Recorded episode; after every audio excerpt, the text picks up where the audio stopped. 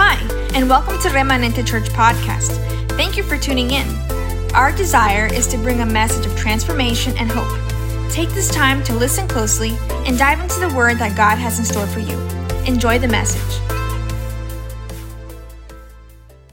Hello and welcome to another Connect Night. Happy Connect Night. Happy Wednesday. We are in the middle of the week, and that means it's service time. So I'm just so happy to have you guys here with us today. It is an honor, it is a pleasure, and a great opportunity to be here tonight. Usually I'm not up here doing this, but tonight I am. So I ask you to join me, join me in my nerves, join me in excitement. I got dressed up for you, I did my makeup for you. So join me in this experience and in this time while we dive into the word and just learn some together. If you're agreeing with me, send me a thumbs up, let me know, but let's do this together, okay? So, tonight, I'm going to ask you a couple questions before I start. And I want you to take some time to think about these questions, and you don't have to do it at the specific moment when I ask them. And if you want to write them down and meditate on them later, feel free to do so.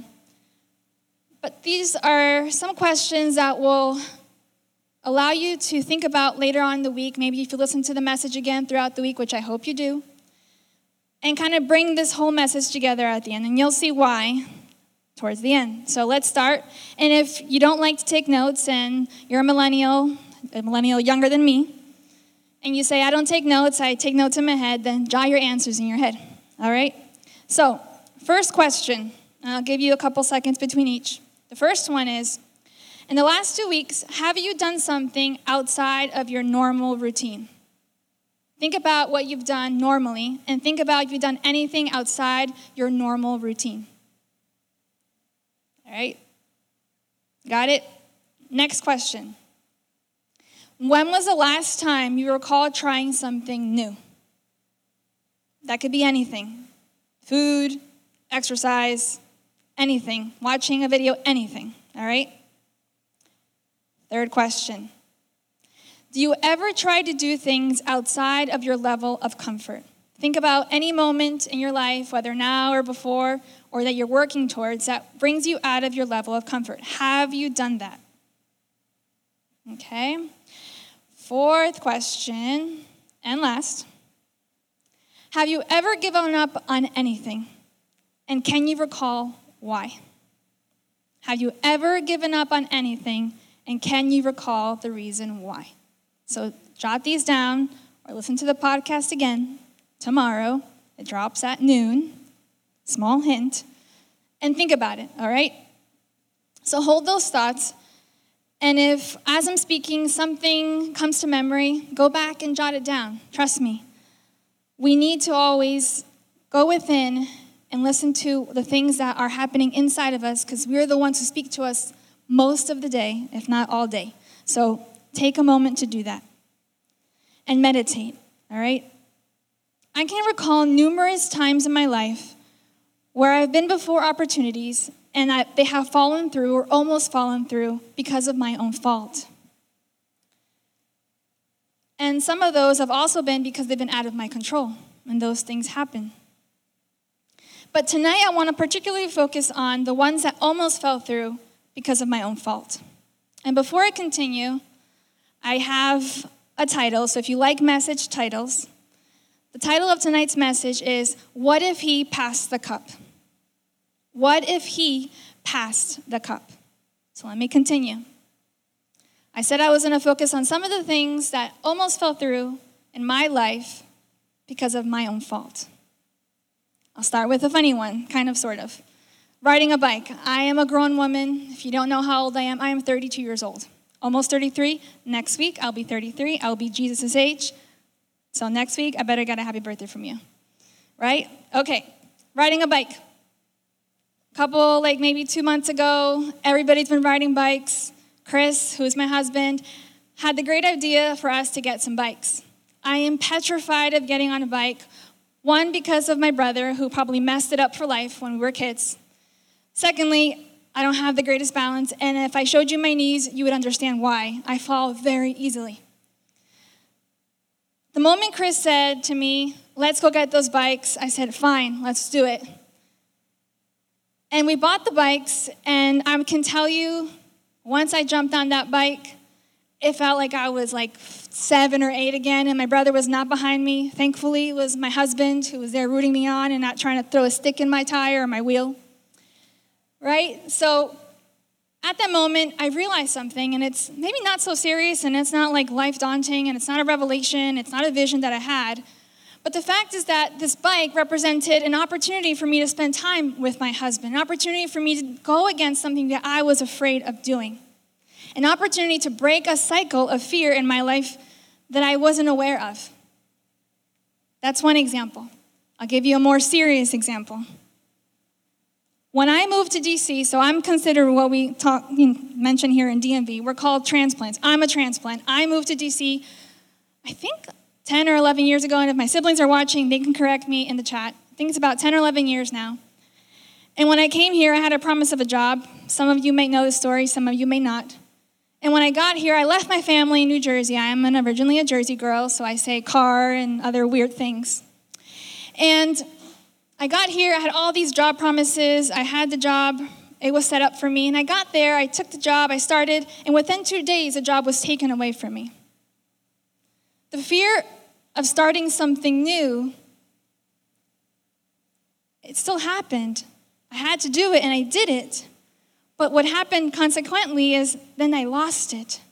So that fear became so real because I took this chance. I, I took, I left my family, I left everything I knew to move into an uncertainty, to move into something I was not sure of. And the moment I took that step, everything fell under my feet. And I was this close of turning around and leaving and going back, going back to what I was comfortable in, going back to what I knew, going back to my family, going back to everything that was just so easy for me to do. But I didn't.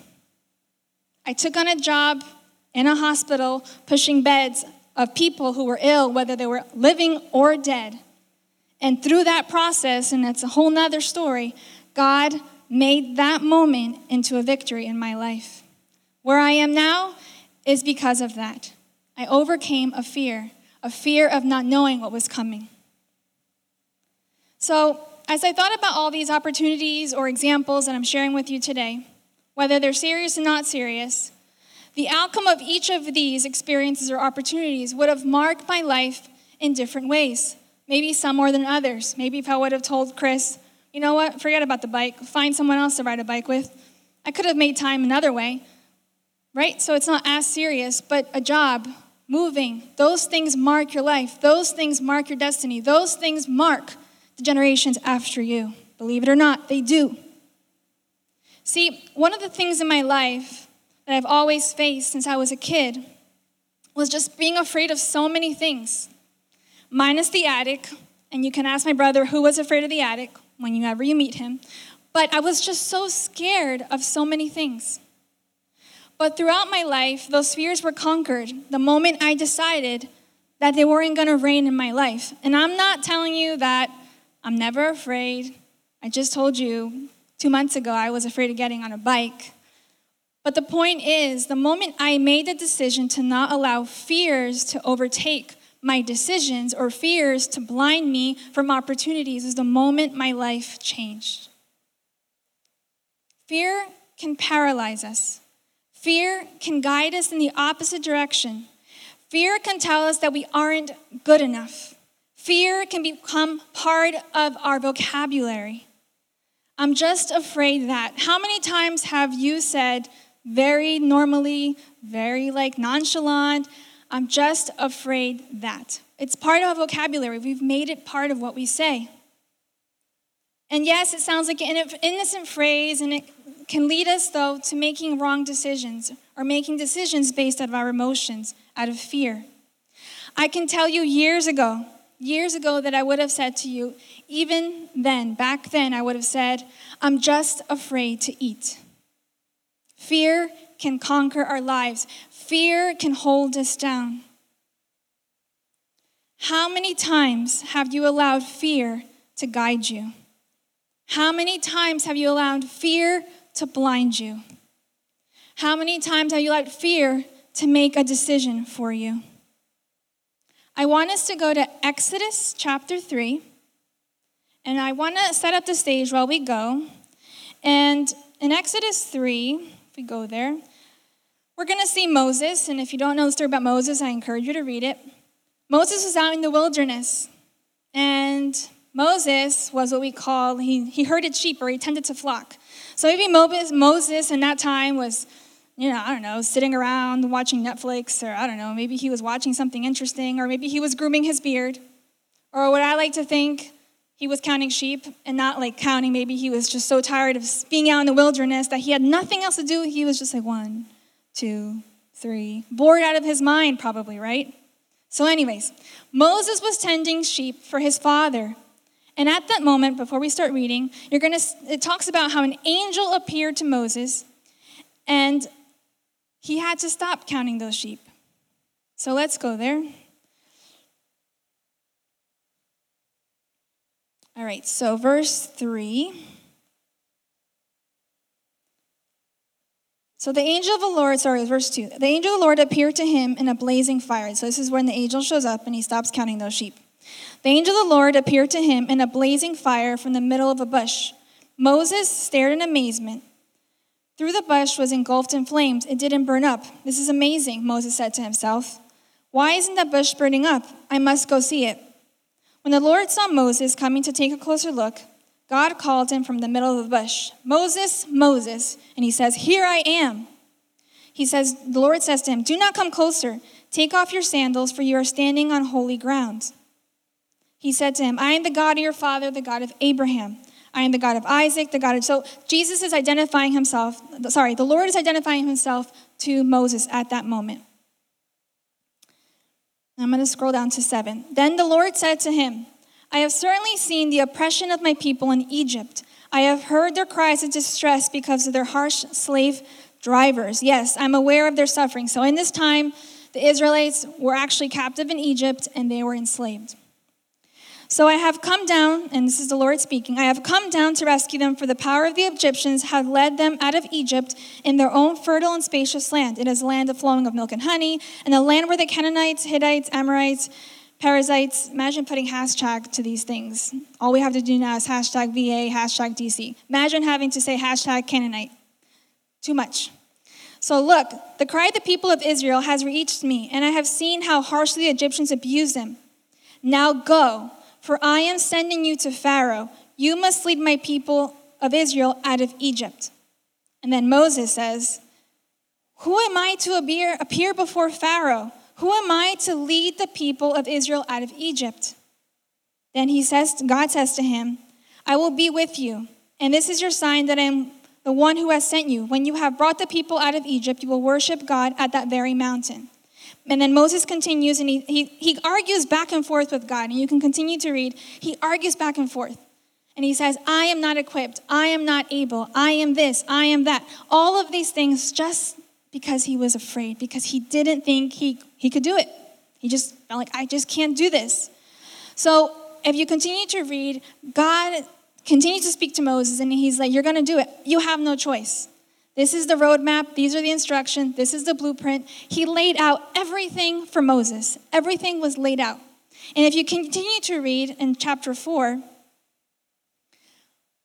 the Lord actually gave him someone to go with him. So even if you're afraid, there's always going to be the support. God is not going to leave you hanging. He won't. He always provide that support that you need.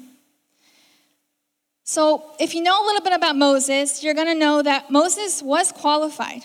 So, Moses, when Lord shows up, Moses is like, hey, I'm not going to do this. I'm not good enough. Look, I, I stutter. All right? I can't speak. But he was qualified because he used to be an Egyptian, he used to be there. And you can read about that in Exodus too. And also find out how he ended up in the wilderness. That's another story. But Moses was tending sheep. Moses smelled of sheep. And he only knew how to speak sheep. And he knew that. And that's why he was like, Lord, stop it. I'm not doing this. But then God comes and says, I'm going to deliver the Israelites. And guess what, Moses? You're doing it. And like I said before, Moses finds every excuse in the book to say, No, I'm just not doing this. If Moses would have given up this opportunity, then who would have delivered the Israelites? Moses, out of fear, would have let go of a blessing and a blessing the nations that were to come after. I want us to hold this thought for a second, and I want to go to Jonah. And we'll start with Jonah chapter 1.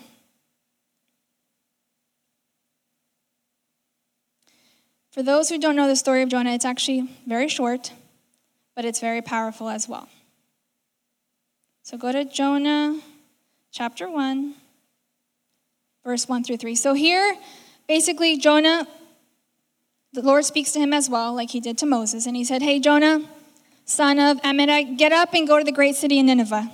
Announce my judgment against them because I have seen how wicked these people are. So the Lord chose Jonah to go and save a city. And at that moment, Jonah was like, Forget this, I'm not doing it. And he leaves. And if you read Jonah's one, Jonah 1 and, and Jonah 2, you'll see the whole story how it plays out. But basically, Jonah says, Hey, I'm jumping ship, I'm leaving. He gets on a ship. In the middle of the moment that he steps on that ship, trouble comes. A storm comes. And all the men on this, on this boat start freaking out and they start getting so upset with Jonah and they're saying, Who are you? What are you doing? This is being caused by you. What did you do to upset God? What did you do to bring this to us? We don't deserve this. What did you do? And at that moment, Jonah realizes that he's wronged and he says to them, Hey, throw me off the ship. Throw me off. And he jumps off the ship. They literally grab him. They ask for forgiveness first. It's kind of comical. They ask God for forgiveness and then they throw him off. And at that moment when he's being, it's like almost like a movie. Imagine Jonah up in the air and all of a sudden this big fish comes and grabs him and he's eaten up by this fish. And in that moment, when Jonah is in the fish, or as we were told when we were kids, it was a whale. So a whale, fish, whatever you want to call it. In that moment, he repents, and he repents, and he because he, he knows that he's been wrong. Because Jonah was worried about himself. He was worried about what would happen to him. He didn't care that God had called him out. He didn't care that a city was going to burn down because of God's judgment. He cared about himself. And in the middle of caring about himself, he almost endangered other people's lives. He almost killed other people's purpose, other people's lives or families because of himself. He was selfish. I've mentioned to you two different men, Moses and Jonah. Two men, two different outcomes, all driven by fear. One was a fear of inadequacy or ability and the other was because he was afraid of wasting his time.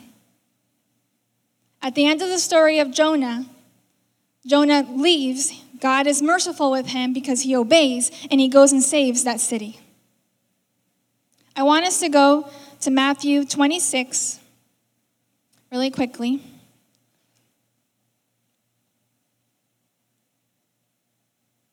I just pulled up Mark, I mean Matthew. Matthew 26, and I want us to go to verse 36.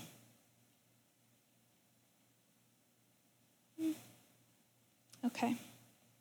So I want to set this up for you. Um, here is when Jesus and his disciples were in Gethsemane. Jesus was afraid. This is the last time he knew what was coming for him. And it was time for him to fulfill his purpose. It was time for him to take on the opportunity to change everything forever for everyone. So I want to read here. It says, verse 36 Then Jesus went with them to the olive grove called Gethsemane, and he said, Sit here while I go over there to pray. He took Peter and Zebediah's two sons, James and John, and he became anguished and distressed, and he told them, My soul is crushed with grief to the point of death. Stay here and keep watch over me. So he's being vulnerable. He's saying, I am afraid. He went on a little farther and bowed with his head to the ground, praying.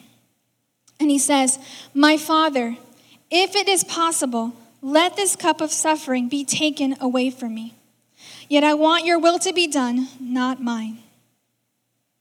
Then he returned to the disciples and found them asleep. He said, Peter, couldn't you watch over me for one more hour?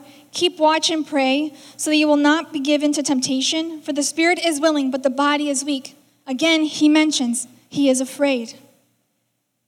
Then Jesus left them a second time and prayed, My Father, if this cup cannot be taken away, unless I drink it, your will be done. Jesus asked God to pass the cup. Now, this wasn't a physical cup, it's not one that you drink water out of, and I hope you'll look into why it means that. But I want to tell you really quickly what this cup represented. You can study it, there's a lot behind the significance of this, but the cup represented suffering, it represented pain. He asked God to take for him the hardest and most difficult but rewarding opportunity. This is Jesus, right? Jesus, a man and also spirit, right? He was 100% man, 100% God. He still was afraid. How many times, and I want to ask you tonight, how many times will you continue to pass the cup? How many times will you continue to tell God, you know what, God, your will isn't going to cut it?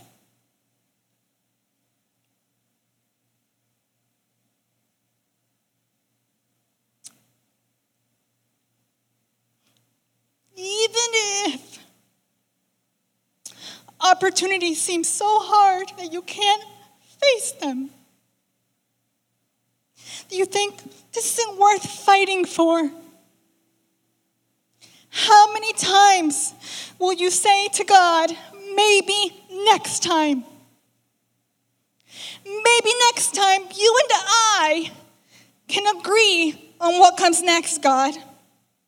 Maybe next time, God, you'll get it right. Jesus understands and knows the outcome of going through the opportunity that was placed before him at that time. And ultimately, you know what he says? God, your will be done on earth as it is in heaven. Passing that cup would have cost us our salvation. It would have cost us to be broken from sin. It would have placed us back under the law, the old law, the Old Testament. And no, even though when it hurted, even though Jesus didn't know what was going to happen, it was the greatest opportunity that was ever placed before any man. Moses almost gave up his opportunity because he could not see past his flaws, although God saw more than that. Jonah almost gave up his opportunity because he could not see past himself.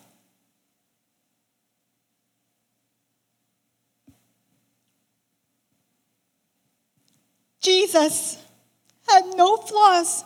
He knew the outcome. Even he was afraid, but he proceeded. Your will be done on earth as it is in heaven. He continued. He didn't just stand there and say, Someone else has to do this. I'm afraid I can't do it. He did it. It is now the time where you have to make the decision. Even if you say, Karen, I have allowed opportunities to pass by. It's too late. You know what? I'm done. I can't do this anymore. I'm too old, or uh, you know what? I'm young. I don't know things. It's never too late. The time is always now. Within God, there is no time, there are no limits. Only we set the limits, only we put those conditions. Conditions of fear, of the unknown. That's us. That's not generated by God, that's generated by us.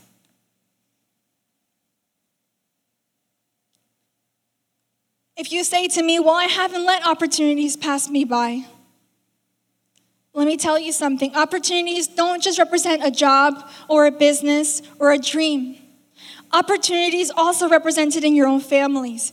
If there is struggle, if there is lack of forgiveness, if there is struggles in your marriage, there is an opportunity right there. And if you don't take that up because you're afraid of what's going to happen, or if you're in a bad relationship and that's the only thing you know, because if I let this person go, then I'm just going to be alone forever, that's a fear. That's not from God. You have to face those things. If you're caught up in an addiction and you say, you know what, this is just the way it's going to be, I just can't change this about me. Yes, you can. Yes, you can. There is more than that. Let go of that fear of the unknown, of the things that you've placed and conditioned in your life. Don't continue to pass that cup. Take it. Today, I want to challenge you to stand up. Take what's rightfully yours, that God's given to you. Do not walk in fear. Do not stand there. Take it. If you're waiting for opportunities, you know what? You're going to be waiting forever. Forever. And if you're telling me today, you know what? I, I don't know what I can do, start in your own home, start in your own family. If you're waiting to serve, if you're waiting for someone to call you to say, hey, can you help us here? Can you do this here at church? You're going to be waiting forever. No one is just going to see everything for you. You need to make the decision to move forward. You need to make the decision to move. No one's going to move you. You have to move yourself. Let go of that fear. We need to stop letting go of opportunities because of what we feel. We need to stop letting go of the things that God has already created for us because of fear. Do you think that me standing here tonight is it is easy? It's not easy. But this is me saying to God, I am not afraid. I am not afraid.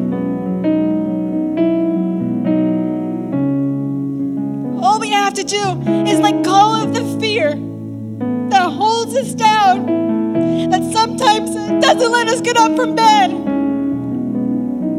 and sometimes we don't even want to go outside because we're so scared. The time is now. Don't wait until you're older. Don't wait at all. You don't have to wait. There's never going to be the right time. Ever. The right time, you decide that. And tonight, I want to invite you to ask God to break fear in your life to break any stronghold, anything that's holding you down for moving forward. It could be starting a business, it could be starting a diet, it could be anything. It could be restoring your marriage, your family, anything. Tonight, it's that night. Know where you are watching us from, I don't know where you are in your home. But I'm going to tell you that tonight, if I can be set free, so can you. So, right where you are in this moment, I want you to lift your hands. And if you can believe with me, if you can believe with me, if you can be like Moses and say, you know what, I'm inadequate. I can't do this, I can't speak. I'm not fancy with words, I'm not eloquent, I don't, have, I don't know everything. You know what, let me tell you, I don't know everything either. If you want to be like Jonah, or if you've been like Jonah, if you said, you know what? I'm not wasting my time. I'm okay right here. Let them figure it out. It's your time to change your mindset. Because you can be holding back the generations to come, the freedom for your family, the freedom for your business, the freedom in your job, anywhere where you are. Let's be like Jesus. Let's pass and let's do this. Let's move forward. Let's not be afraid anymore. If He can do it, if He's given us the strength, if He took on that sacrifice for you and I, there is nothing, absolutely nothing that we can do. So tonight, join me in prayer. And I want you guys, if you guys can just sing along with me, Let It Rain. And I want to talk about, they, they were talking and they were singing about Let Rain, joy, right, guys? It was joy. All right, so joy. I want you to ask the Lord tonight this is a night for you. There won't be many nights, but this is a night for you where you're going to ask the Lord to rain joy. And we're going to break fear tonight because it doesn't belong in our lives. It is not what God called us to do. So let's do this. Let's let's sing it, Lord. It's going to rain joy over our lives. Skin,